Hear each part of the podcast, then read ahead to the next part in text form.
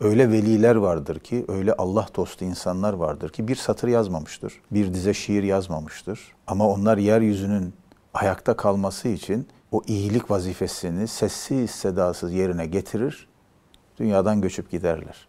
Gökler bilir, yerdeki bilmese de. Hristiyan teolojisi içerisinde melekler Hz. İsa'nın teslis ve kutsaniyeti içerisinde asli fonksiyonlarını yitirmeye başlamışlardı. Ve Hristiyan teolojisi, kilise bu soruna bir cevap bulamıyordu. Allah'a inancı amelden ayrıştırmak mümkün değil. Ama deizm araya bir kategori koyuyor. Tanrı'ya inanıyorum ama onun dedikleri doğrudan beni ilgilendirmiyor. Şimdi bu aklen de tutarsız bir şey, kalben de yanlış bir şey. Benim meleklerimi Hristiyan meleklerle karıştırmayın. Benim meleklerim İslam'ın melekleridir der. Ve Rilke'nin Müslüman melekleri modern dünyaya bir ayna tutar.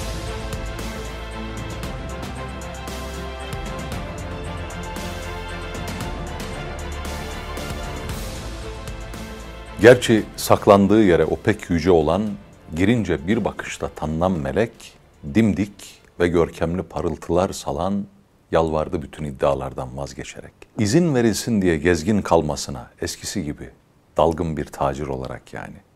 Okumuşluğu yoktu. Fazla gelirdi ona da. Bilginlere de görmek sözün böylesini. Herkese emredercesine gösteriyordu. Levhasına yazılanları yalvarana gösteriyor ve istiyordu tekrar. Oku. Okudu o da. Öyle ki melek hayrandı. Çoktan okumuş denirdi artık ona. Yapabilendi o. Kulak veren ve yapandı. Rilke. Çok seviyorsunuz. Ne diyeceğiz bu şiir için? Rilke'nin Peygamber Efendimiz'e ilk vahyin gelişini anlattığı şiiridir bu. Cebrail Aleyhisselam'ın Efendimiz'e ilk gelip oku dediği, Efendimiz'in de ben okuma bilmem diye karşılık verdiği andan sonraki hali, sahneyi tasvir eden çok güzel bir şiiridir Rilke'nin. Rilke neden böyle bir şiir yazmaya ihtiyaç duydu? Biraz kendi biyografisiyle e, ilgili. Çünkü e, Rilke çok seyahat etmiş birisi. Genç yaşta vefat ediyor. 51 yaşında vefat ediyor Rilke. Ama ömrünün önemli bir kısmını kendisi her ne kadar Çek Cumhuriyeti'nde bugünkü Çek Prag'da doğmuş olmakla beraber e, Alman tabii ki ve bütün o bölgede geziyor. Yani o zaman e, Prusya İmparatorluğu. E, Fransa'da, İsviçre'de, Almanya'da tabii ki Avusturya'da e, seyahatler yapıyor. Ama hayatını değiştiren e, en önemli seyahatlerinden bir tanesi de Endülüs'e yaptığı seyahat. Endülüs'te özellikle Ronda'da Kur'an-ı Kerim'le tanışıyor. Kur'an-ı Kerim okuyor. Çok etkileniyor. Ve bu etki onu ömür boyu takip ediyor. Şiirinde de çok derin izler bıraktığını düşünüyorum. Rilke'nin İslam'la olan ilişkisi henüz yeteri kadar incelenmiş değil. İlmi olarak, akademik olarak, edebi olarak daha fazla çalışma yapılması lazım. Önemli çalışmalar var ama daha fazlasının yapılması lazım. E, bu şiir, Peygamber Efendimiz'e vahyin ilk geliş anını tasvir eden e, bu şiir, onun e, şiir hayatı boyunca meleklerle kurduğu ilişkinin de e, anahtar şiirlerinden birisidir. Onun başyapıtı kabul edilen Duine ağıtları meleklerle yapılan uzun bir sohbettir. Ve Duine ağıtları şu dizelerle başlar, şu satırlarla başlar. Haykırsam şimdi kim duyar beni meleklerin katından?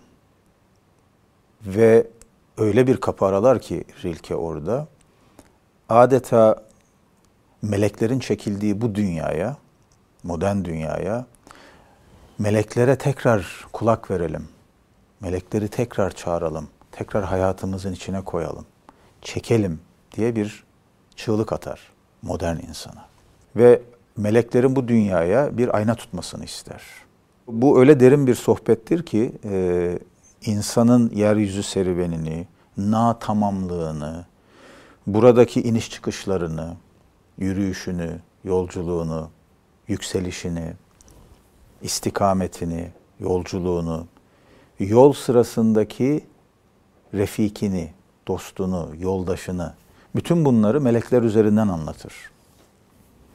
En çarpıcı hususlardan bir tanesi de mütercimiyle yazışmasında, Polonyaca'ya tercüme eden mütercimiyle yazışmasında mütercimin birkaç sorusu üzerine benim meleklerimi Hristiyan meleklerle karıştırmayın. Benim meleklerim İslam'ın melekleridir der. Ve Rilke'nin Müslüman melekleri modern dünyaya bir ayna tutar. Buradan devam edelim ama şunu da sormak istiyorum hocam. Bizim İslam'la irtibatı olmuş, batının cins kafalarına nasıl yaklaşacağımıza dair doğru bir mihengimiz yok sanki elimizde. Kimimiz mesela Göte'nin yazdığı bir şiirden hareketle o da hayrandı. O zaman bizim peygamberimiz çok büyük bir peygamber. Böyle bir kompleksle bakıyoruz. Kimimiz işte Tolstoy Bu çok aslında... büyük bir kompleks. Yani Efendimizin büyüklüğünü falancanın onu beğenmesine endekslediğimiz zaman haşa Efendimizin mertebesini indirmiş düşürmüş oluruz. Hz. Muhammed gibi bir insanın yüceliğini, hakikatini anlamak için falancanın, şu kişinin, bu kişinin hayranlığını, beğenmesini, takdir etmesini, tasvip etmesini nasıl referans kabul edebiliriz? Bir de bunun tam aksi istikametinde bir bakış var. O da onları yok sayan bir bakış. Yani hikmet bize ait bir şeymiş çesine. Bunun orta yolunu nasıl bulacağız? Nasıl? Yani mesela Hazreti Mevlana'ya ilham eden Allah, Rilke'ye ilham eden Allah'tan başka bir Allah mıydı? Haşa. nasıl buraya geleceğiz? Bakış ne olmalı? Sonsuz hazinelerin sahibi Cenab-ı Hakk'ın hangi nimetini kime vereceğine biz mi karar vereceğiz? Haşa böyle bir kibir, böyle bir gurur insanda olabilir mi? Modern tabirle haşa Tanrı'nın rolünü çalmak, oynamaya çalışmak bizim haddimize olabilir mi? O yere göğe, dağa taşa, arıya karıncaya vahyettiği gibi, ihsanda bulunduğu gibi kullarından istediği kişiye de istediği şeyi vahyedebilir, ihsanda bulunabilir. Bunu istediği yerde, istediği zamanda yapar, istediği formda yapar. Bazen bu şiir olarak çıkar karşımıza, bazen bir müzik eseri olarak çıkar, bazen bir mimari eser olarak çıkar, bazen hiç dile gelmemiş, ifade edilmemiş büyük bir iyilik olarak çıkar. Öyle veliler vardır ki, öyle Allah dostu insanlar vardır ki bir satır yazmamıştır. Bir dize şiir yazmamıştır. Ama onlar yeryüzünün ayakta kalması için o iyilik vazifesini sessiz sedasız yerine getirir, dünyadan göçüp giderler. Gökler bilir, yerdeki bilmese de. Dolayısıyla e, onun sonsuz hazinelerine bizim bir taksimatta bulunmamız söz konusu olamaz.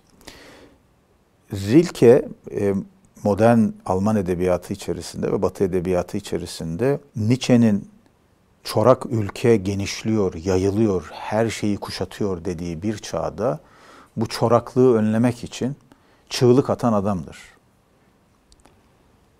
Sanayi devrimi, zenginleşme, kapitalizm, modern teknoloji, rasyonalizasyon, kar maksimizasyonu bütün bunların içerisinde bakın çorak ülke fersah fersah yayılıyor. Bir yangın her tarafı kavuruyor diye çığlık atan adamdır. Bu çığlığını insanlara doğrudan anlatamadığı için, insanların giderek sağırlaştığını gördüğü için de düğün anıtlarında melekler üzerinden yapan şairdir Rilke. Rilke'nin Müslüman melekleri onun bu dünyayı anlarken ve modern insana konuşurken başvurduğu, rücu ettiği en önemli kaynaklardan biridir. Çünkü o melekler Allah'ın yeryüzündeki birer temsilcisi olarak insanların her an yanı başında, onları koruyan, kollayan, onlara arkadaşlık eden, yoldaşlık eden varlıklar olarak hep vardırlar. Peygamberler tarihin bir döneminde gelirler, bir kavme gönderilirler, vahyi getirirler, risaletlerini tamamlar ve bu dünyadan ayrılırlar onların mirası, sünneti bizimle yaşamaya devam eder. O sünnetle beraber melekler de bizimle yaşamaya devam eder. Melekler hep vardır. Biz melekleri görme, hissetme, duyma, anlama kabiliyetimizi yitirdiğimiz oranda onlar bu dünyadan çekilirler.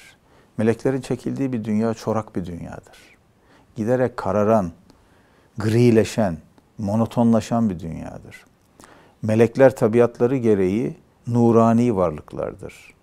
Işık varlıklarıdır. Ve bu ışık yahut nur halleri, nurani halleri hem gittikleri yeri aydınlatır hem de hafifletir. Yani oraya bir ferahlık gelir, oraya bir imbisat gelir, bir inşirah gelir. Bu nurani özelliklerinden dolayı ilginçtir. Meleklerin isimleri hem İbranice'de hem Arapça'da hem de kadim batı dillerinde, Yunanca'da ve mevcut batı dillerinde hep il son ekiyle biter. Cebrail, İsrafil, Azrail, Mikail. İl hem İbranice'de hem e, kadim batı dillerinde ışıkla ilgili olan demektir. Nurani olan demektir. Hatta kadim Yunanca'da güneş Helen demektir biliyorsunuz. Helenistik dönem diyoruz ya Helen. O işte aydınlanmış ışık dönemi, ışığın doğudan geldiği tasavvur içerisinde o ışığı ifade eder. Meleklerin bu özelliklerinden dolayı onların bulunduğu yer nurani ortamlardır. Ama Rilke şuna dikkat çekiyor. İnsan kendini kapattığında, ruh dünyasını kararttığında bu nurani varlıklarla olan ilişkisini giderek kaybeder. Onlardan kopar. Onları tekrar hayatımıza aldığımız oranda hayatımıza ışık gelir, aydınlanma gelir, nur gelir, ferahlık gelir, hafiflik gelir. Şimdi bu bir sadece edebi lirizm ya da sembolizm değil. Rilke bunu tabii ki bir şair olarak, belki bir metafor, belki bir imge olarak anlattı. Ama meleklerin hayatımıza gelmesi demek, bir takım varlıkları bir yerden bir yere taşımak demek değil. Bizim kendimizi meleklerin gelmesine hazır hale getirmemiz demek. Mesele gene bizim özümüzde, içimizde. Melekler gene etrafımızda burada. İşte bizde de değil mi bizim inancımızda da kiramen katibin sürekli yazıyorlar, etrafımızdalar. Onları iten, onları uzaklaştıran, onları hor gören, onları yok sayan kim? Modern insan.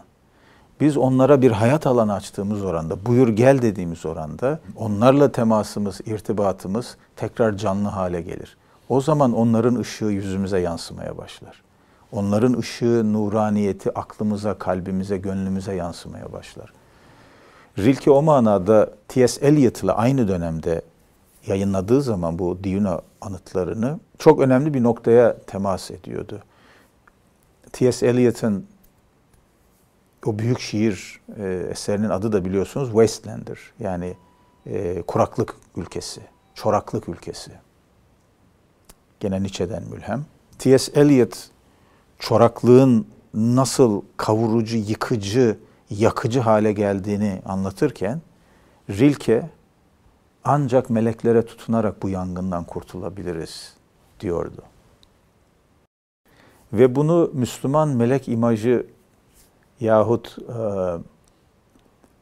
tavassutu üzerinden anlatması, üzerinde gerçekten durulması gereken bir şey.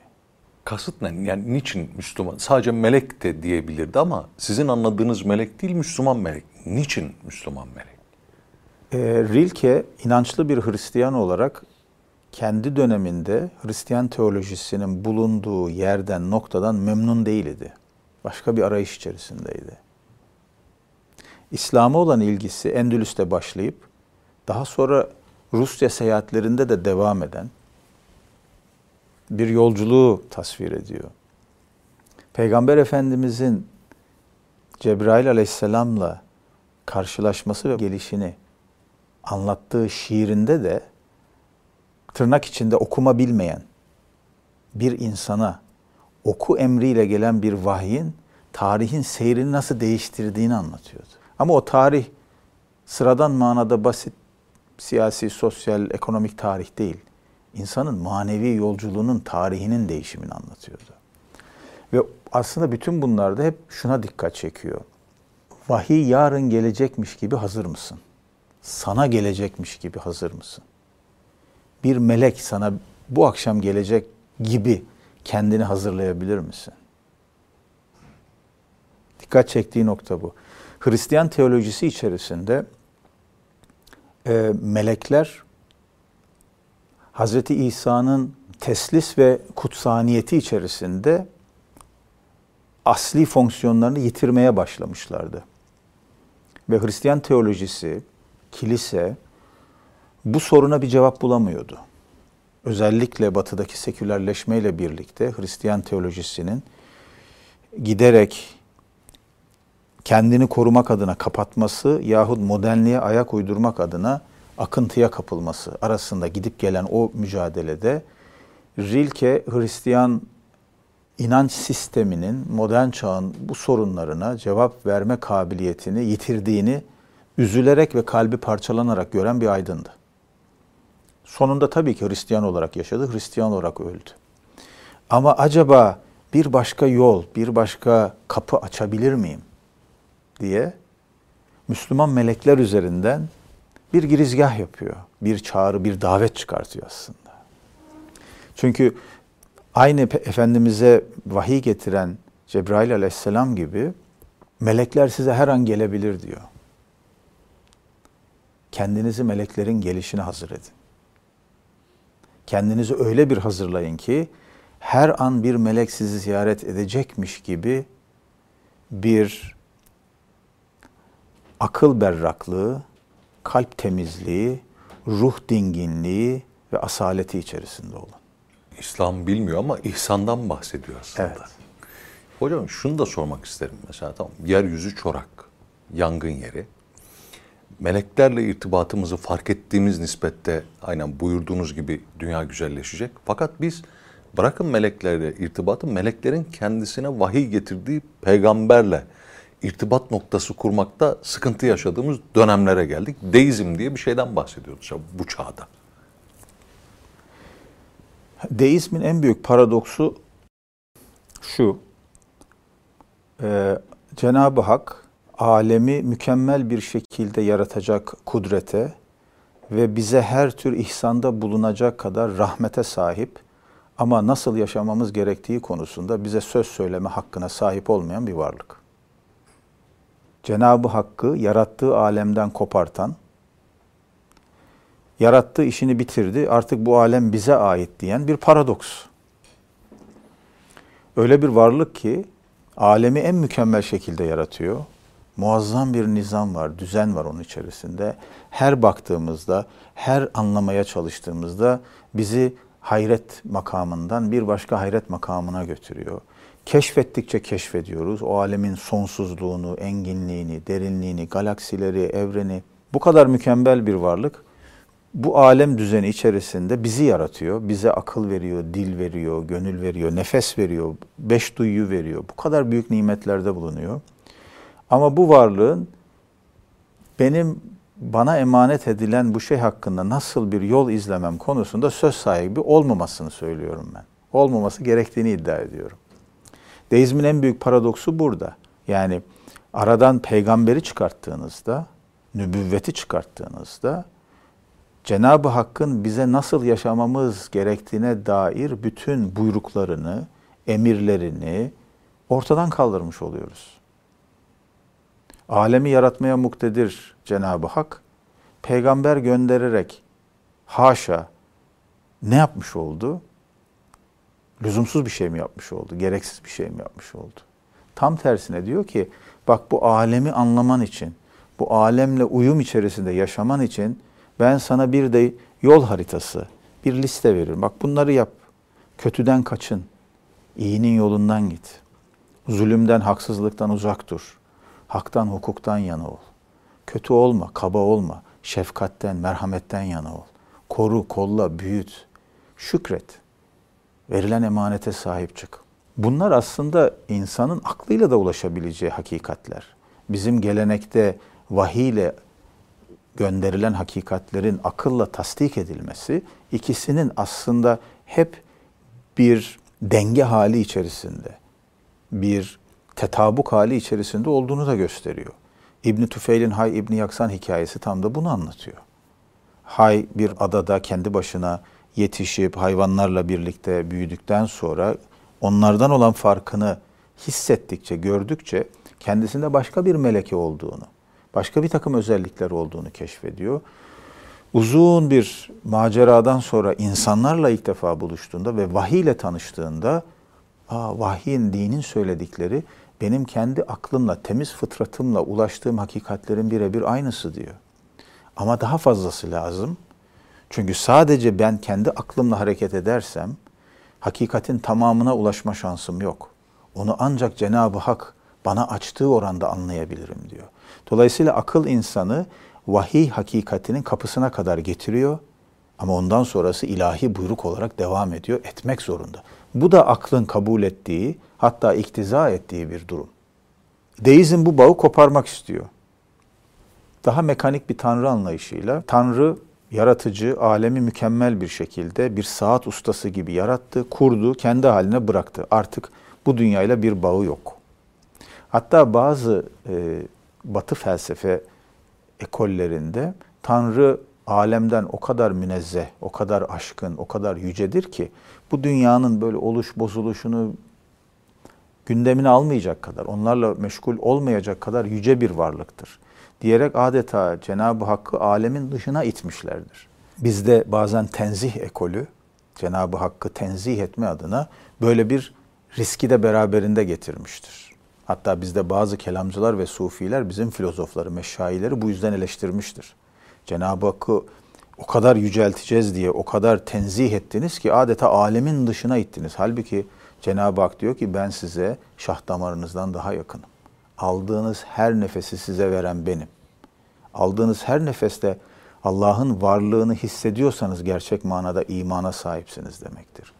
Bunu hisseden bir insanın o varlığın ilahi buyruğuna, emir ve yasaklarına bigane kalması, gönderdiği peygambere, vahye ilgisiz, alakasız kalması düşünülebilir mi? Mekanistik evren anlayışı bir mükemmel saat yapıcı olarak Tanrı tasavvurunu sadece mümkün kılmadı, yaygınlaştırdı. Ve insanlar giderek bu dünyada başlarını göğe kaldırmadan, kafalarını öne eğerek ve sadece kendilerine bakarak, kendilerini ölçü yaparak bir dünya inşa etmeyi tercih ettiler. Sadece kafamı hiç kaldırmadan, göz göze ben sana baktığımda, benim gibilere baktığımda zihnimdeki ölçü üç aşağı beş yukarı şuralarda bir yerlerdedir. Ama göğe baktığım zaman gerçek ölçünün ne olduğunu görür, kendi yerimi o zaman kavramaya başlarım. O yüzden göğe bak diyor. Alemin sonsuzluğuna bak ve bu sonsuz alem içerisindeki o küçücük yerini anla, idrak et diyor. Ha ondan sonra senin Cenab-ı Hak'la, yaratıcıyla, evrenle ilişkin daha doğru bir zemine oturacak. Bir e, ayeti kerimede biliyorsunuz göğe bak, bir çatlak, bir kusur, bir patlak görecek misin? Hayır göremeyeceksin. Gözün hüsran içerisinde sana geri dönecek diyor mealen. Yani bir kusur aramak için bakan insana dahi Cenab-ı Hak meydan okuyor ve diyor ki hadi bir bak. Bak bakalım şu gök kubbede bir çatlak, bir bozukluk görecek misin? Hayır göremeyeceksin diyor. Aslında insana görmeyi öğretiyor. Rilke ne diyor? Görmeyi öğreniyorum. Sanki bu ayeti tefsir edercesine Rilke diyor ki görmeyi öğreniyorum. Peki şunu da sormak isterim gene deizm parantezinde. Mesela Allah'ın subhanlığını net algılayamamaktan kaynaklanıyor bir yerde deizm anladığım kadarıyla. Bir de bizim Hazreti Peygamber'i koyduğumuz yerle de irtibatı var mı bunun? Yani aşkın dünya ile alakalı olmayan bir peygamber ya da tamamen insan peygamber. Peygambere bakan tarafında nasıl bir temellendirme var deizmde? Şimdi Peygamber Efendimiz Kur'an-ı Kerim'de üsve-i hasene olarak tarif edildi. Birçok sıfatı var biliyorsunuz. Siracen münira, bir ışık saçan kandil, bir uyarıcı, bir rehber, bir kılavuz. Ee, bunlar arasında üsve-i hasene de bana hep çarpıcı gelmiştir. Sizin için en güzel örnek olarak, sizin için sizin aranızdan. Yani peygamberin üstlendiği ilahi görev imkansız bir şey değil. İnsan üstü bir şey söylemiyor. Sizden insan üstü bir şey talep etmiyor diyor. İnsan olarak fıtratınıza uygun olan yaşam tarzını size tarif ediyor diyor. Meleklerden ayrıştığımız yer burası. İmkansız bir şey talep etmiyor din insandan. Aklına, varlığına, fıtratına uygun olanı tavsiye ediyor, telkin ediyor, teklif ediyor, emrediyor. Peygamber bize bunun yolunu gösteren kişi. Peygamber bunun bir insanın hayatında yaşanabileceğini gösteren kişi. O yüzden kendi hayatı çok çok önemli. Onun sünneti, onun yolu, bir şeyi nasıl söylediği, nasıl yaptığı o yüzden çok çok önemli. Çünkü o vahyi tefsir ediyor. İlk tefsir sünnettir. Vahyin ilk tefsiri hadistir. Peygamber Efendimizin kendisidir. Tefsir olmadan, vahyin kılavuzu olmadan onu nasıl anlayacağız? O bize zaten yaşayan bir Kur'an olarak, ayaklı bir Kur'an olarak zaten bunun yolunu gösteriyor. Dolayısıyla burada vahiy nübüvvetten, inancı yaşamdan, Allah'a inancı amelden ayrıştırmak mümkün değil. Ama deizm araya bir kategori koyuyor. Tanrı'ya inanıyorum ama onun dedikleri doğrudan beni ilgilendirmiyor. Şimdi bu aklen de tutarsız bir şey, kalben de yanlış bir şey. İnsan sevdiği bir kişinin, varlığın söylediklerine, taleplerine, ricalarına, emirlerine bigane kalabilir mi? Gerçek manada seviyorsa onun dediğini yapar. Yapmıyorsa sevmiyor demektir. O sevgi gerçek değil demektir. İmanın bu boyutunu sevgi boyutuyla baktığınız zaman bunu sadece cennet arzusu yahut cehennem korkusuyla değil, insan sadece onu sevdiği için yapma ihtiyacı hisseder. Bana bunu yap diyor, bunu yapma diyor. Allah korkusu da böyle bir şeydir. Allah korkusu haşa korkunç bir can yaratıktan, varlıktan korkmak demek değildir. Gece karanlık bir yerde eyvah ne oluyor diye bir korku içinde olmak değildir. Allah korkusu sevgililer sevgilisini kaybetme korkusudur. Bütün varlıklardan daha sevgili olan, daha aziz olan bir varlıktan uzak kalma korkusudur. Onun sevgisinden, merhametinden, onun şefkatinden mahrum olma korkusudur. O yüzden bu manada deizm ne aklen ne kalben tutarlı değil. Eğer bir insan Tanrı'nın varlığına, Allah'ın varlığına inanıyorsa, onu seviyorsa, onun dediklerini, onun bize çizdiği yolu da dikkate almak zorundadır. Ha, burada temel mesele ne? Peki bu yolu nasıl tarif edeceğiz? Bu yolu nasıl çizeceğiz? Bu yolda nasıl yürüyeceğiz? İşte orada da din alimleri, dini temsil eden arifler, bilginler devreye giriyor. Bunu insanlara hikmetli anlatabilirsek, dini fıkha indirgemeden anlatabilirsek, bu cümle belki çok yanlış anlaşılacak ama uzun konuşmak lazım bunu. Dinin özünü insanlara sevdirerek, anlatarak, anlamalarını sağlayarak ortaya koyabilirsek, fıtri olarak, akli olarak, kalbi olarak insanların bu güzellikten, bu nimetten kendilerini mahrum etmeleri zaten mümkün olmaz. O zaman işte iman lezzetli bir şey haline gelir. İnanç insanın fıtri tabiatının bir parçası olur. Üzerinde iğreti duran, zorla duran bir şey değil, içinde hissettiği, aklında ve kalbinde doğru yere oturttuğu bir inanca, bir yaşam biçimine, bir var olma biçimine dönüşür. Ve bu kişi Cenab-ı Hak'la Rabbi ile olan ilişkisinde çok özel, çok güzel, çok derin bir ilişki kurmaya başlar. Sezai Karakoç'a rahmet olsun. Ben çiçek gibi taşımıyorum göğsümde aşkı, ben aşkı kalbimde kurşun gibi taşıyorum. Eyvallah. Sona geliyoruz ama şunu da sormak isterim. Mekke müşrikleri de deistti. Evet. Onların da mesela yola çıktığı nokta tamam bir peygamberlik müessesesi var ama o değil de ben. Bugünkü deizmde de böyle bir şey var mı acaba? Yani Allah bir insanla konuşmaya tenezzül etmez derken kibrimizden mi biraz da bunu bu da var mı? Tabii ki insanın e, kibri ve egosu, daha doğrusu sadece insanda değil diğer varlıklarda da olabilir. Ki yaratılış hikayesinde şeytanın kibri, egosu da biliyorsunuz çok önemli bir yer tutuyor.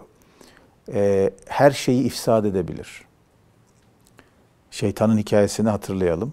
Cenab-ı Hak Adem'i yani insanı yaratıyor. O insan prototipi Adem ile Havva yaratıyor ve meleklere önünde secde edin diyor. Hepsi secde ediyor şeytan hariç. Şeytan ne diyor? Ben ondan üstünüm diyor. Onu topraktan beni ateşten yarattın diyor. Ve bu sahneyi tasvir eden ayette Bakara suresinde şeytan için tekebbür etti diyor. Tekebbür etti ve secde etmedi. Kibirlendi, kibir yaptı. Yani egosu konuştu orada. Kibir o manada e, günahların en büyüklerinden biridir. Tabii ki en büyük günah şirktir. Ama Allah'ın emrettiği karşısında kibre kapılmak, ben bunun üstündeyim. Onların da üstündeyim. Al Pacino geldi gözümün önüne. En sevdiğim günah kibirdir diyor ya. Şeytanın avukatı. Şeytanın evet. avukatı. Kibir Allah korusun insanı öyle bir yoldan çıkarır ki yani insan neye uğradığını anlamaz bile. O yüzden e, o kibir şeytanın kendini üstün görme kibri ırkçılığın da ilk başladığı yerdir. Irkçılığın özünde de böyle bir kibir vardır. Benim ırkım diğerlerinin hepsinden üstün. Benim ırkım seçilmiş ırk. Bunu dediğiniz andan itibaren aynı şeytan gibi onu topraktan beni ateşten yarattın. Ben ateş olarak ondan üstünüm diyorsunuz ve kibir sizi yoldan öyle bir uzaklaştırıyor ki işte şeytan da bu dünyaya bir sürgün olarak ondan sonra gönderiliyor. Şu, şu kadarı caiz mi hocam peki? Necip Fazıl'a rahmet olsun bu defada. İçi alev alev iman, dışı pırıl pırıl Türklük, içi dışına köle, dışı içine amade bir anlayış diyor değil mi üstad? hani hizmet etti bizimkilerde. Hani evet. seviyoruz. Biz onlardan üstünüz değil ama bir, Allah da sevmiş canım falan bizi. Bu caiz mi bu kadar olabilir İnsanın, mi? İnsanın e, bu dünyada geldiği toprağı, taşı, havayı, göğü ayrı bir sevmesi fıtridir. Ben Anadolu topraklarında doğmuş, bu dünyaya gelmiş, hayat serüvenine burada başlamış bir insan olarak çok doğal olarak Anadolu coğrafyasını, topraklarını fıtri olarak severim. İlk onu gördüm, ilk onun havasını teneffüs ettim, ilk onun suyunu içtim. Ama bu başka güzellikleri görmeme engel teşkil etmez. Dünyanın başka yerlerinde başka bir sürü güzellik de var. Herkes kendi vatanını, toprağını, tarihini, geleneğini, örf adetini bu düzeyde severse, bu ölçüde, bu kıvamda aşırıya gitmeden severse birbirimizle kavga etmeyiz. Farklı gelenekler, farklı coğrafyalar, farklı kimlikler bizi zenginleştirir. Aynı güneşin dünyaya doğduğu zaman, her gün doğduğu zaman ışığını yayarken hiçbir ayrım yapmaması gibi. Her yere düşüyor ışığı. Dağa taşa da düşüyor, çöle de düşüyor, ormana da düşüyor. O kadar cömert ki. Çünkü o farklılıklar onun için hiçbir şey ifade etmiyor. İnsan o kadar sevdiği oranda elbette kendi milletiyle, tarihiyle daha güzel bir ilişki kurabilir, gurur da duyabilir kibre kapılmadan. Kibre kapılmadan onunla iftihar da edebilir. Ama bunu bir e, ego duygusuyla değil, mesuliyet duygusuyla yapar. Daha iyisini nasıl yaparım duygusuyla yapar. O zaman işte hubbul vatan minel iman olur. Vatan sevgisi imandandır. Tam yerine oturur o zaman. Eyvallah. Denge, denge, denge. Denge. Çok teşekkür ederim. Eyvallah. Hocam.